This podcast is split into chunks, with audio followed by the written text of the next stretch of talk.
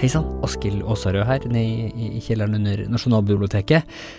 I dag noe litt annerledes.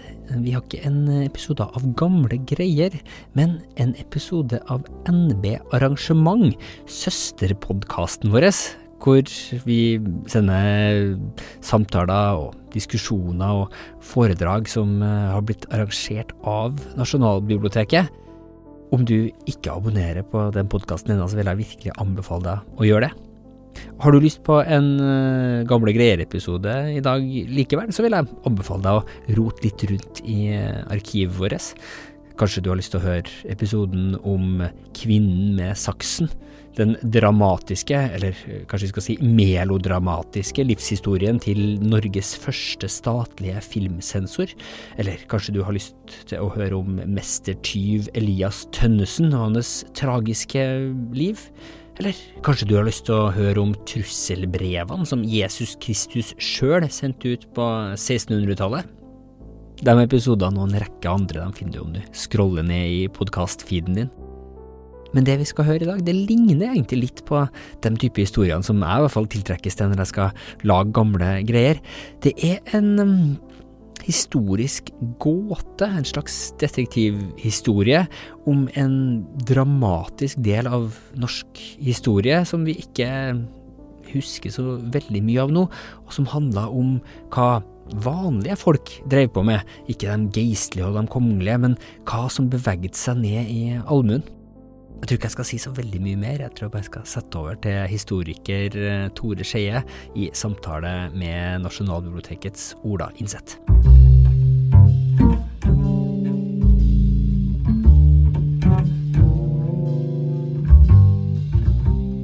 Du lytter til en podkast fra Nasjonalbiblioteket.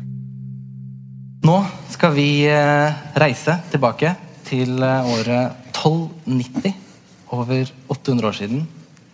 Da satt et uh, storslått, pynta skip ut fra Bergen havn seint på høsten. Eh, det skulle til Orknøyene, og om bord var prinsesse Margrethe, som var kongens sju år gamle datter. Og hun skulle giftes bort til en engelsk prins. Hvorfor i all verden foregikk det her, for å begynne der, Tore? Ja, dette var, eh, skal vi si det var ment å være avslutningen på et diplomatisk spill som hadde pågått i mange år over Nordsjøen. Eh, der man hadde fremforhandla en ekteskapsavtale mellom da denne sju år gamle norske kongsdatteren og eh, den engelske kongens sønn, som var bare fem år gammel. Så et skikkelig barneekteskap som skulle vise seg å ikke bli helt som planlagt. Det skal vi jo eh, komme tilbake til. Eh, men dette her var kanskje den viktigste politiske begivenheten i, eh, i både på de britiske øyene og i Skandinavia på ganske lang tid. Det var nemlig sånn at Denne kongsdatteren hun var jo uhyre viktig. Fordi hun var den eneste gjenlevende medlemmer av den skotske kongefamilien. Det var slik at Hun var resultatet av, en, eh, av, et ekteskap mellom den norske kongen Eirik Magnusson, som hadde eh, fått som brud en skotsk prinsesse. Og så hadde hun kommet til Norge og født Margrethe. Og så i en serie av tilfeldigheter og sykdomsutfall og ulykker så døde rett og slett hele den skotske kongefamilien ut. Inkludert da Margretes mor, som da hadde vært eh, norsk dronning i eh, en veldig kort periode. da. Så litt sånn tilfeldigvis så hadde da denne her lille norske jenta fått status som den eneste arvingen til kongekrona i Skottland. Og Det betydde at eh, den som gifta seg med henne, hadde egentlig da utsikt til å kontrollere Skottland. Så hun ble en eh, politisk spillebrikke, kan man si, som av veldig stor betydning. Og den som var den som kanskje prøvde hardest å få kontroll over henne, det var den engelske kongen, som da ved å gifte henne med sin sønn ville få kontroll over Skottland. Så dette var jo sånn uh, middelalder Denne perioden som vi er her, slutten av 1200-tallet og, og, fremover, så er jo ekteskap var jo på en måte kjernen i uh, diplomatiet og i politikken i hele Europa. Så det var slike det politiske rådgivere og konger og dronninger egentlig brukte veldig mye tid på, det var jo å arrangere, planlegge, organisere denne type politiske ekteskap som skulle gi dem kontroll over store landområder. Så Det er bakgrunnen da for at den engelske kongen hadde sendt dette her svære skipet for å hente da bruden. Men så var jo, som jeg sa, så var det her på høsten, for det hadde tatt en hel tid. Jeg hadde vært på besøk en gang før og prøvd å få meg tilbake uten å lykkes. og måtte dra tilbake, og Så kom de tilbake igjen. Og Da var det så seint på høsten at det var snakk om at det man kalte seilingssesongen da, over Nordsjøen, eh, var over. Uh, og Vi veit ikke hva som skjedde, men det var jo mest sannsynlig veldig dårlig vær. Og det å bli sjøsjuk og være det over lengre tid i sånne mørke, kalderom under dekk. Det var en veldig sånn luksuriøst skip selvfølgelig, til å være på den tida, men det var jo likevel mørkt og kaldt der. Og så videre, Å ligge der og være sjøsjuk i storm uh, kunne være veldig veldig farlig, rett og slett. Uh, og vi veit jo ikke hva som skjedde, annet enn at da de kom til Orkney rett etterpå, så døde Margrethe, sju år gamle jenta. Og der kunne jo historien på mange måter ha tatt uh, slutt. Men så, ti år seinere, så fikk vi en helt ny vending. Mm. Hva skjedde ja. da, Tore?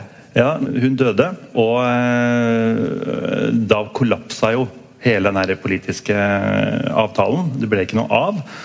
Det brøt ut krig i, eh, mellom Skottland og England. Eh, og dette regnes på en måte som et sånn vendepunkt i norsk historie også. fordi at eh, veldig sånn nære forbindelser mellom Norge og særlig det engelske kongehuset det, det fikk seg en skikkelig sånn knekk.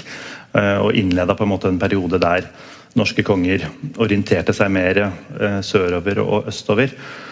Men så gikk det jo da Det gikk jo ti år, og etter ti år så døde også den norske kongen Eirik Magnusson. Og han hadde ingen flere ektefødte barn enn denne jomfruen som da hadde dødd ti år tidligere. Og Derfor så gikk makten over til hans lillebror, eh, hertug Håkon, bedre kjent som kong Håkon den femte som ble hans tittel. Og han, eh, han, tok over makten, men han holdt ikke så mye til i Bergen. Han eh, hadde vokst opp egentlig i Oslo eh, og vært hertug i Oslo. Og han fortsatte egentlig å, å regjere fra Oslo. Slik at Bergen, som hadde vært hovedsete for kong Eirik, det, det, der ble det liksom litt sånn mørkt og stille. og Fokuset flytta seg østover. Og mens da, etter at kongen var død og det hadde, det hadde gått Jeg vet ikke helt hvor lenge det hadde gått, men noen måneder kanskje. Så kom det da et skip til byen.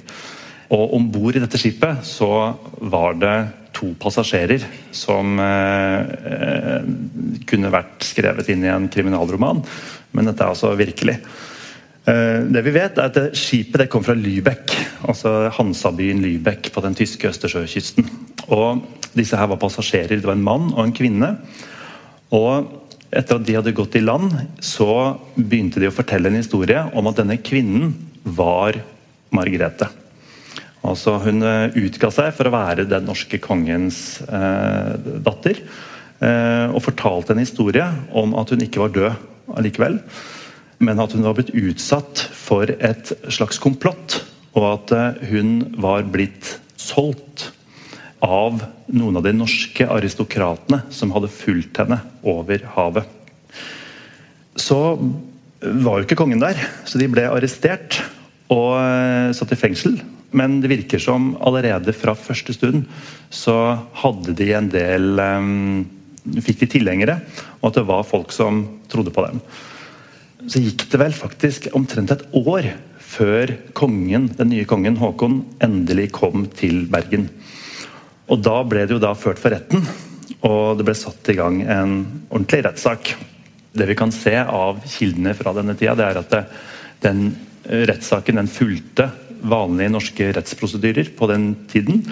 Kongen satte ned en slags kommisjon av, eh, av sine egne rådgivere og menn av høy rang for å fungere som dommere. Det ble innkalt vitner, og denne kvinnen hun, da, hun fikk da Eh, skal vi si, liksom prøve sin historie. Fikk fortelle sin historie, og så eh, ble det prøvd mot det forskjellige vitner fortalte. og sånn. Og Dette har jo pågått en liten tid, men kvinnen ble jo ikke trodd. og hun ble jo da dømt til døden for å ha utgitt seg for å være kongens eh, datter. Det som virker å ha vært et av bevisene mot henne, det er det faktum at hun hadde grått og delvis hvitt hår. Og at, og at, hun utga seg altså for å være 17 år gammel. Så det er jo veldig på en måte litt rart at, skal, at det skal ha vært en del folk som har trodd på henne. Men, eh, men, sånn er det. Så hun skal altså da ha hatt grått og hvitt hår, men insistert på sin historie likevel. Og så eh, ble hun da ført til retterstedet fra et fangehull i borgen, antakeligvis, altså i, i, i Kongsgården i Bergenshus i, i Bergen. Ja. Og Da ble hun ført i en slags prosesjon, sånn som vanlig var, fra Kongsgården og over til der eh, hun skulle henrettes. var på Nordnes, på den andre siden av, eh, av Vågen. Eh, på bryggene. Det var obligatorisk oppmøte? Ja, og det, det, dette er jo litt sånn vesentlig at en, en, henrettelse i middelalderen det, jo, det hadde jo en ganske spesifikk funksjon. Det var jo en av relativt få arenaer egentlig hvor de som regjerte, kongemakten, kunne kommunisere med sine undersåtter. Så det var påbudt å møte. Og der ville det da være en, en slags herold, eller en, en, en, kongelig utroper, som ville rope opp dommen og forklare for de som var, så på, hva eh, vedkommende var dømt for, og hvorfor. Og så eh, skulle man da se på at eh, hun ble drept. Men så skjedde det noe veldig underlig. Og da må vi nesten hvis vi kan spole ti år tilbake, til, eh, til, den opprinnelige prinsessen. Hun ble også ført i en prosesjon da dette store engelske skipet eh, skulle frakte henne til, til kongsgården. Det virker som det har vært nesten sånn en liten ekko av, av, den hendelsen. Eh, hun ble ført i en prosesjon langs de samme bryggene, ut av den samme borgen. Og når denne dømte kvinnen ble ført inn i prosesjonen, så skal hun ha ropt høyt, så mange vitner hørte det at hun kunne huske at da hun var et barn og ble ført gjennom en bestemt port, som hun, ble, eh, som da ble ført igjennom også nå, så kunne hun huske at eh, i veikanten så hadde det stått en gruppe prester og sunget en sang. Og så hadde de kommet ut av sangen i et bestemt vers. Og så hadde en navngitt prest eh, som var eh, ved kongens hoff, altså en av, en av kongens prester, hadde hjulpet de andre prestene med å komme i gang igjen med sangen. Og så hadde de gått videre. Dette her skal da denne dømte kvinnen ha ropt på vei til retterstedet. Og Senere så viste det seg da at eh, denne presten som hadde hjulpet de andre prestene i gang igjen, han kunne bekrefte at dette var sant. At det var akkurat slik. Så det er jo litt skikkelig kriminalmysterium. dette der. Mystisk. Men, og hvordan ble hun drept? Nei, hun, ble, hun er, så vidt jeg vet, så er hun den første personen i norsk historie som vi vet at ble brent på bål. Så det var satt opp et stort bål eh, på Nordnes. Der ble hun eh, bundet til en stake, og så ble eh, hennes forbrytelse ropt opp foran allmuen som sto og venta, og så ble ble tent på, og hun brant til døde. Og han mannen som var med henne, som var hennes medskyldige, som vi vet enda mindre om enn henne, han ble halshogget, og så ble hodet hans kastet i flammene. Så Sånn gikk det da med den såkalt falske Margrethe, som hun kalles. Og Der kunne jo også historien ha slutta, men eh, det var jo en litt merkelig historie. Det var ikke alle som slo seg helt til ro da med at um retten virkelig var um, gjort fyllest. Og så utvikla det seg nesten en slags kult. Ja, dette er ganske merkelige greier. Eh, men det som er slående med hele denne tidens politikk, det er jo at dette er eh, Man kan forestille seg hvordan vanlige folk har oppfatta alt dette her som har skjedd. Og hva visste egentlig vanlige folk? Hva slags innblikk hadde de egentlig i de beslutningene som ble tatt? Og, eh, og i si, liksom rasjonaliteten bak dette ekteskapsbildet, og vi sender bruder til andre land for å gifte seg inn i en fremmed lands kongefamilie osv. Antageligvis ikke så veldig mye. En av årsakene sant, til at uh, sånne henrettelser var viktige for å kommunisere med undersåttene. Men akkurat den henrettelsen her, den har åpenbart fått motsatt effekt enn det som var meningen. Fordi den har avfødt da en slags bevegelse, en folkelig bevegelse, som har vært overbevist om at hun snakket sant. Så det virker altså da, så På begynnelsen av 1300-tallet så fantes det en god del folk i bergenstraktene og andre steder i landet som da var av den oppfatning at kong Haakon 5. hadde beordret sin egen niese sin brors datter, ektefødt norsk prinsesse, og brent henne på bål. Og Det ser vi av en del dokumenter som er bevart fra begynnelsen av 1300-tallet. Der særlig biskopen i Bergen og også andre geistlige driver og agerer mot at folk har denne her oppfatningen. Så Det er bl.a. et brev som er bevart, som ble skrevet av biskopen i Bergen, som skulle leses opp i alle sognekirkene i bergensområdet, og kanskje, kanskje i hele Norge. Der det ble argumentert altså Da alle sognebarna sto i kirka, sånn som dere sitter her nå, så ble det lest opp foran dem. Helt klart og tydelig ble det gjengitt hvordan denne rettssaken hadde forløpt. Dette motivet med at denne kvinnen hadde grått hår. Det var umulig at hun hadde grått hår. Hun så ut til å være i 40-årene. Mens hennes far, kong Eirik, han hadde jo vært bare rundt 40 da han døde. Så hun var altså eldre enn sin egen far. Det var umulig. Og så videre og så videre. De som trodde på dette her og spredte dette her, de risikerte sin sjel. Og det var djevelens løgn, dette her, står det i dette her brevet. Så det må ha liksom så, seg en bevegelse? da? Så det har funnet seg en bevegelse, og så finnes det også fra en senere tidspunkt enn dette brevet her, så er det også andre dokumenter som viser at det faktisk er en del prester har vært blant de som har trodd på dette her rundt henrettelsesplassen på Nordnes. Altså, dit har folk reist, og så har de ofret til det de har oppfattet som, uh, som denne avdøde prinsessens ånd. Så hun har blitt på en måte en slags helgenskikkelse som man har bedt til og um, tilbedt, rett og slett. Og, og, bedt om hjelp til forskjellige problemer osv. Dette her prøver da biskopen i Bergen blant annet, å slå veldig hardt ned på. Eh, ved å true med bål og brann og helvetes pinsler. Men vi vet også at da, dette, de tapte jo denne propagandakampen fordi eh, noen generasjoner senere så har det blitt reist en kirke på Nordnes med penger som er reist av Hansa-kjøpmenn. Som har vært til det som har vært oppfatta som helgenen Margrethe. Så det vi aner her, er jo da en slags eh, ja, en religiøs kult som har vokst frem i Bergen, og kanskje har tilhengere andre steder i landet.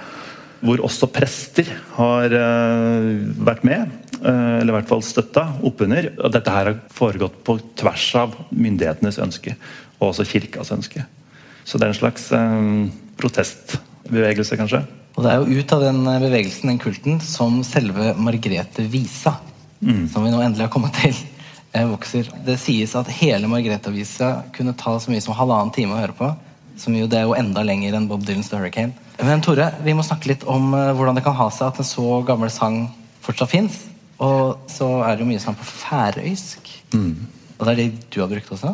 Når du har forsøkt å forstå hva som står der? Ja, og så uh, Alt det jeg snakka om i stad, der var vi jo på begynnelsen av 1300-tallet. For, for, å forklare litt hva denne visa er, da. Og så kan vi da spole frem til siste halvdel av 1800-tallet. Eh, mange, mange hundre år. Eh, en helt annen tid. Og da Asbjørnsen og Moe og deres eh, mindre kjente kolleger sant, reiser rundt og forsøker å redde norsk folkekultur før de siste restene av den blir borte. Og blant eh, andre uttrykk for den gamle norske folkekulturen som har levd og, og blomstra, men vært i ferd med å forsvinne, så har det blitt skrevet ned da eh, forskjellige varianter av denne visa. Og altså, I Setesdalen og i Telemark og Dette her er jo da i, Norge. og Dette her er jo bare små fragmenter av det som da viser seg å være eh, rester etter en middelaldervise. Som da språkforskere og viseforskere og folklorister er ganske enige om at denne her er eh, Den handler om Margrethe. Den handler om uh, disse begivenhetene på slutten av 1200-tallet og begynnelsen av 1300-tallet. Og visa ble antageligvis skapt i senmiddelalderen. Altså den er fra 1300-tallet. Men har vandra på folkemunne i århundrer. Og Den eh, lengste versjonen det er den som er skrevet ned på Færøyene. og Den skal ha tatt over en time å framføre. Så dette er ganske fantastisk eh, når man begynner å gå inn i denne visa og undersøke hva den egentlig forteller. Det lille mm. verset som er bevart fra Setesdalen, her er det snakk om en Augunn ja, dette kan bli ganske komplisert, fordi, at, fordi det forholder seg til ganske mange forskjellige ting. Ja, det er mange hundre år med hendelser mellom her. Ja, Men det som er veldig fascinerende med denne visa, det er at uh, det dukker opp navn, og det dukker opp eh, hendelser som vi kjenner igjen fra de skriftlige kildene fra middelalderen. Som jo er hovedargumentet for at man tror at dette her er rett og slett da uttrykk for skal vi si, den folkelige oppfatningen, så å si av hva som egentlig har funnet sted her. Så når Håkon 5. fikk skylda for å brenne sin egen niese på, på, bål, og på en måte tapte jo da ikke sant, denne informasjonskampen så å si, mot rykteflommen og konspirasjonsteoriene. Det er tidlig fake news. Ikke sant? Det er en konspirasjonsteori, kan man si så er denne visa et uttrykk for det. Og altså, Augen er vel Audun, eh, som er en eh, norsk adelsmann som også ble henretta på samme sted, som har blitt satt i sammenheng med dette her. Er blanda inn i denne historien.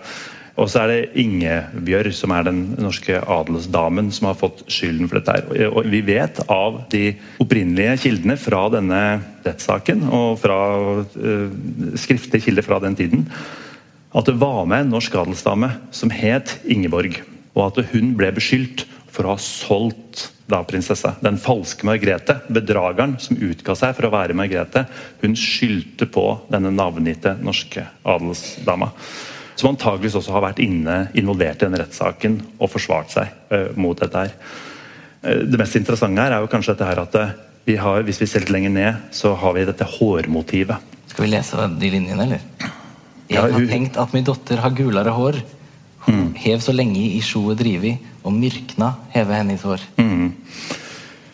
Så her har du altså, eh, Hvis vi går tilbake da, sant, til de skriftlige kildene, eh, det som fortelles i dem, sant, som jeg sa i stad, så har du et av bevisene som blir brukt mot denne falske Margrethe, er at hun har feil hårfarge. Hun har grått hår. Grått og hvitt hår. Eh, hun kan ikke være 17 år gammel. Eh, så her har det dukka opp mot en forklaring på hvorfor håret har skifta farge. Og hvem er det som sier 'jeg har tenkt at min datter har gulere hår'? Jo, det er kongen.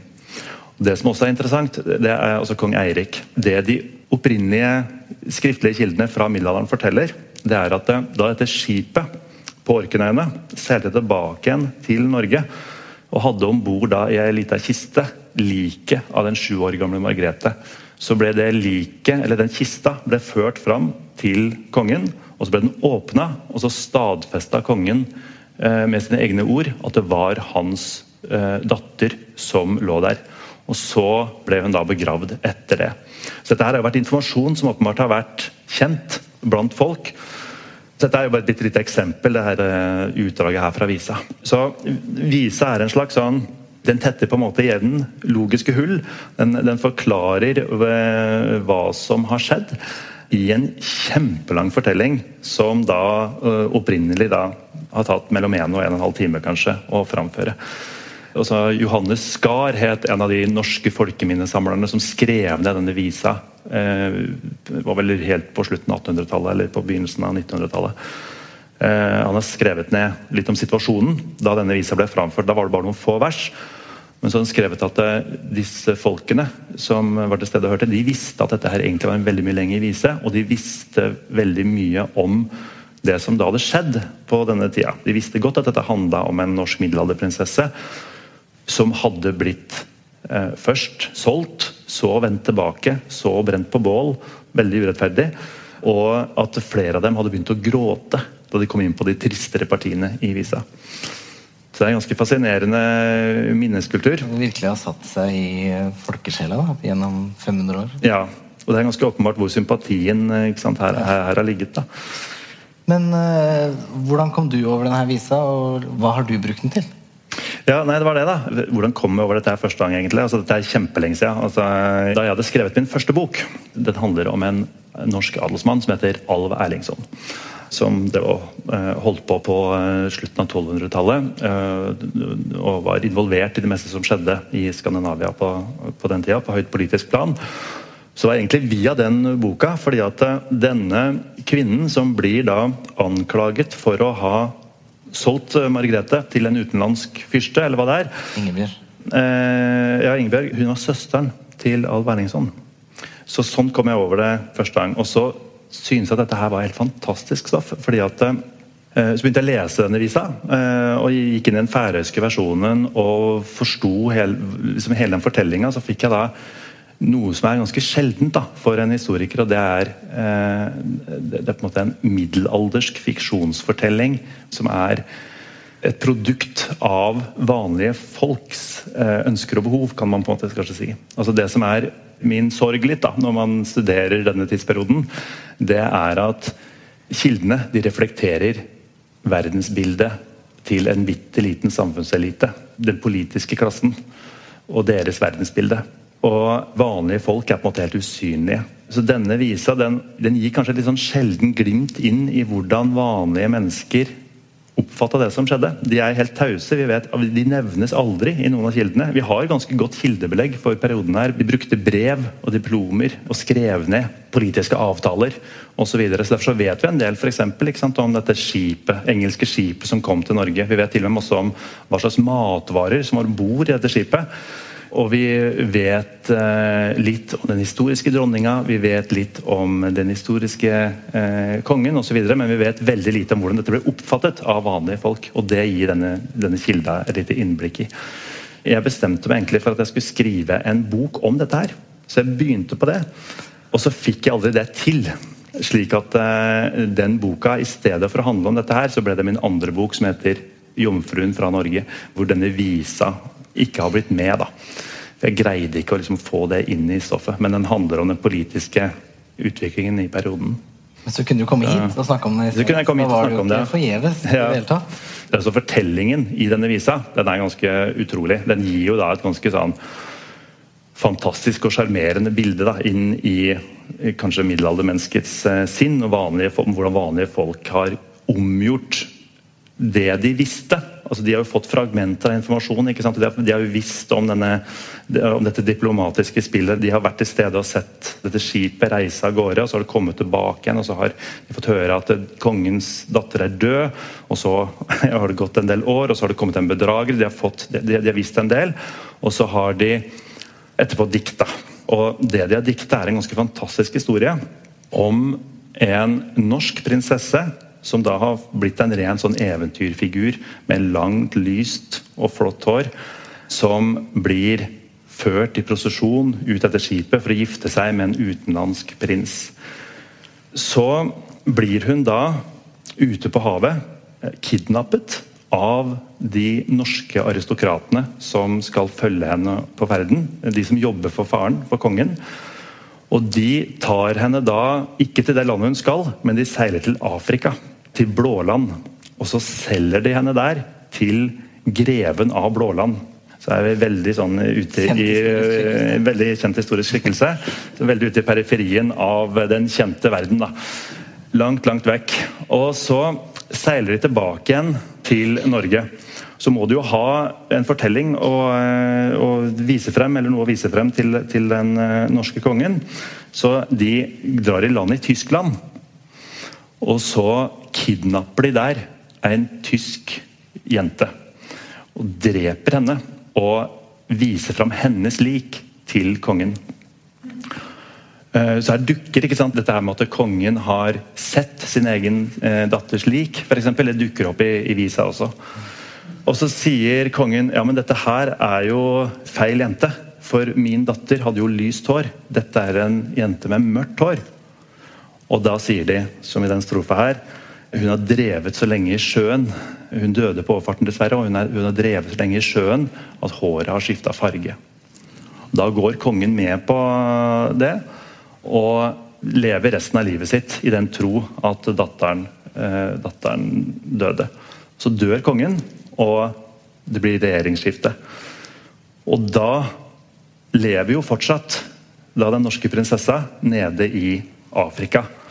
tydeligvis egentlig lykkelig gift med den eh, greven av Blåland, som hun har fått flere barn med.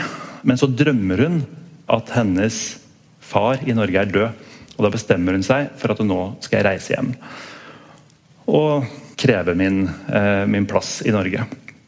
Så hun reiser hjem til Norge, men blir da ikke trodd når hun forteller hvem hun er. Og da kommer de samme aristokratene som fulgte henne over havet og som kidnappet henne ti år tidligere, de kommer nå igjen på banen. Og så sverger de falskt. Eh, slik at eh, hennes onkel, kongen, blir lurt. Og hun blir da dømt for å være en bedrager. Så blir hun ført i prosesjon og til bålplassen og brent på bål. Det er, en ganske forferdelig historie. da, og, og, mens hun da står og flammene eh, slikker opp mot henne, og hun tar fyr, og hun står der i, i lys lue og brenner, så roper hun i denne visa ut forbannelser over de som har forrådt henne. Eh, hun eh, roper at eh, tjenestefolkene som har sverga falskt, de skal dø på forferdelig vis, tror jeg. Denne adelskvinnen som solgte henne, og så senere har vitna falskt, hun skal føde mange barn, men det skal ikke være menneskebarn. Det skal være hester og hunder. Eh, og kongen, han skal bli gal tre ganger før han dør. Og så dør hun, og det kommer da engler ned fra himmelen, løfter henne opp, og så fortelles det til slutt at alle disse forbannelsene gikk i oppfyllelse. Det er en eller annen sånn raseri liksom, over, over dette eh, stoffet. da. Så det er det som gjør det veldig interessant. At det er en um, veldig sånn dyp hva skal vi si, forbannelse, eh, eller fordømmelse, over kanskje den tids politiske klasse. da. Og det skiller seg veldig fra andre middelalderballader? Ja, ja, den gjør det. Altså, dette her er jo eh, altså Denne tidsperioden som dette her er fra, begynnelsen av 1300-tallet, det er jo en god stund etter eh, sagalitteraturen tar slutt, f.eks. Eh, altså kongesagaene ikke skrives lenger. De kildene vi har til den perioden, de er veldig Eller de litterære kildene, de er veldig sånn ridderromantikk. Eh, så det er veldig influert av datidens sånn, tyske ridderideal, fransk franske og tyske ridderideal, der vi får da denne herskerklassens verdensbilde eh, til de grader. F.eks. så er det en berømt eh, svensk krønike som er en veldig viktig kilde, som heter Erikskrøniken, som handler om, eh, om den svenske kongefamilien. Som, som liksom iscenesetter alle aristokratene som sånne perfekte riddere. Det er Litt sånn parodisk, litt sånn Monty Python-aktig. De rir rundt ikke sant? og har, uh, har så flotte klær og snakker i høviske former. Og så er uh, vanlige folk helt usynlige, og alt er et slags sånn eh, høvisk teater.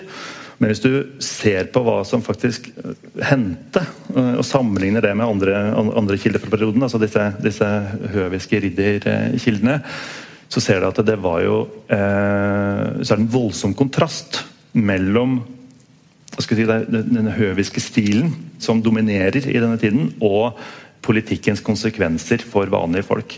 Det var en veldig krigersk periode beslutninger som ble tatt blant uh, konger og hertuger og uh, riddere bak lukkede dører i deres slott og borger, førte til at uh, landsbyer ble brent, store felttog, masse folk ble drept, plyndringer. osv. og så videre og så videre. Sånn at denne visa den er på en måte sånn sjeldent lite glimt av kanskje hvordan vanlige folk har oppfattet de som styrte er det jeg er litt fristet til å anta. da.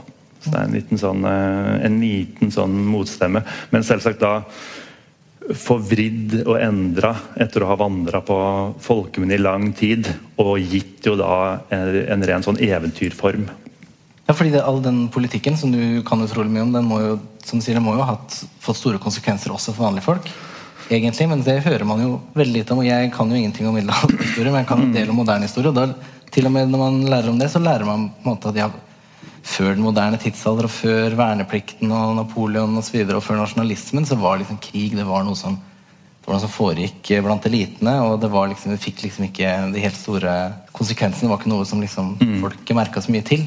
Mens det er ikke sikkert det er at det stemte. Nei, det er, eh, krig gikk mye ut på å ødelegge motstanderens ressursgrunnlag. Dvs. Si å brenne undersåttenes bondegårder og, eh, og ta avlinger. og Plyndring var jo veldig vanlig, så det, var det gikk hardt utover. Når det var krig, gikk det hardt utover vanlige folk. Men det er ikke bare krig som er på en måte eh, altså Krig er jo ikke tematisert direkte i denne visa, men det er noe med liksom kynismen i det politiske spillet, kanskje. Altså disse, disse, mm, jeg ga en veldig overfladisk beskrivelse av visa nå, men disse aristokratene de framstår som sånn veldig grådige.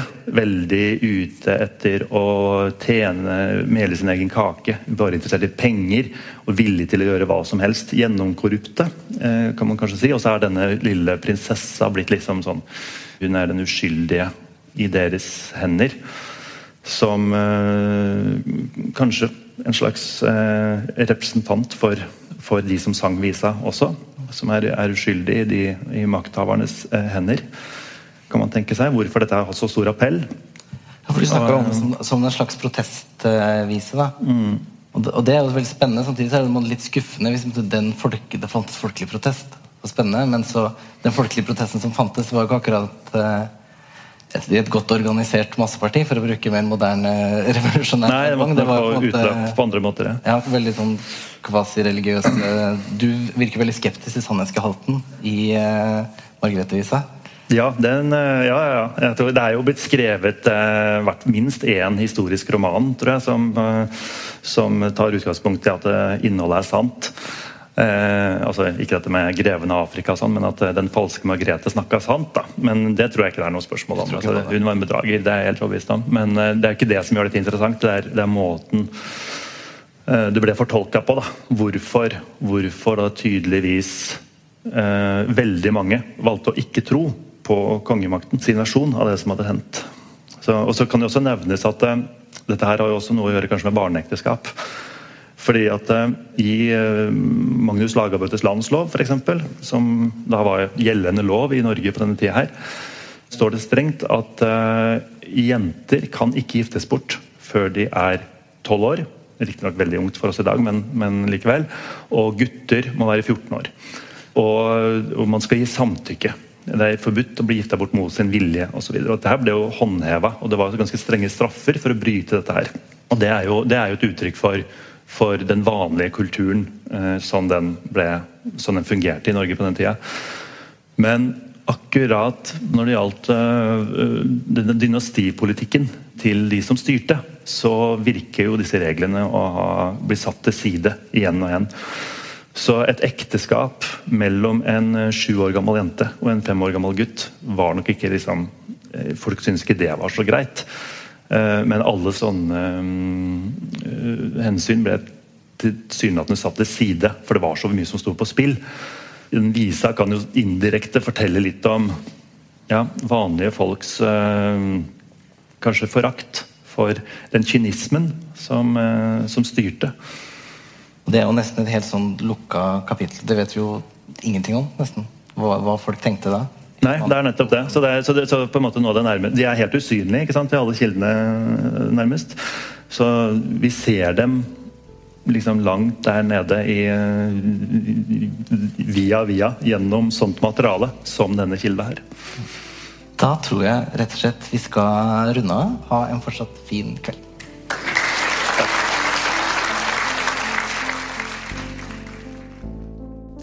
Det var altså en episode av eh, Gamle Greiers søsterpodkast NB Arrangement. Neste uke så er vi tilbake med en fersk Gamle Greier-episode.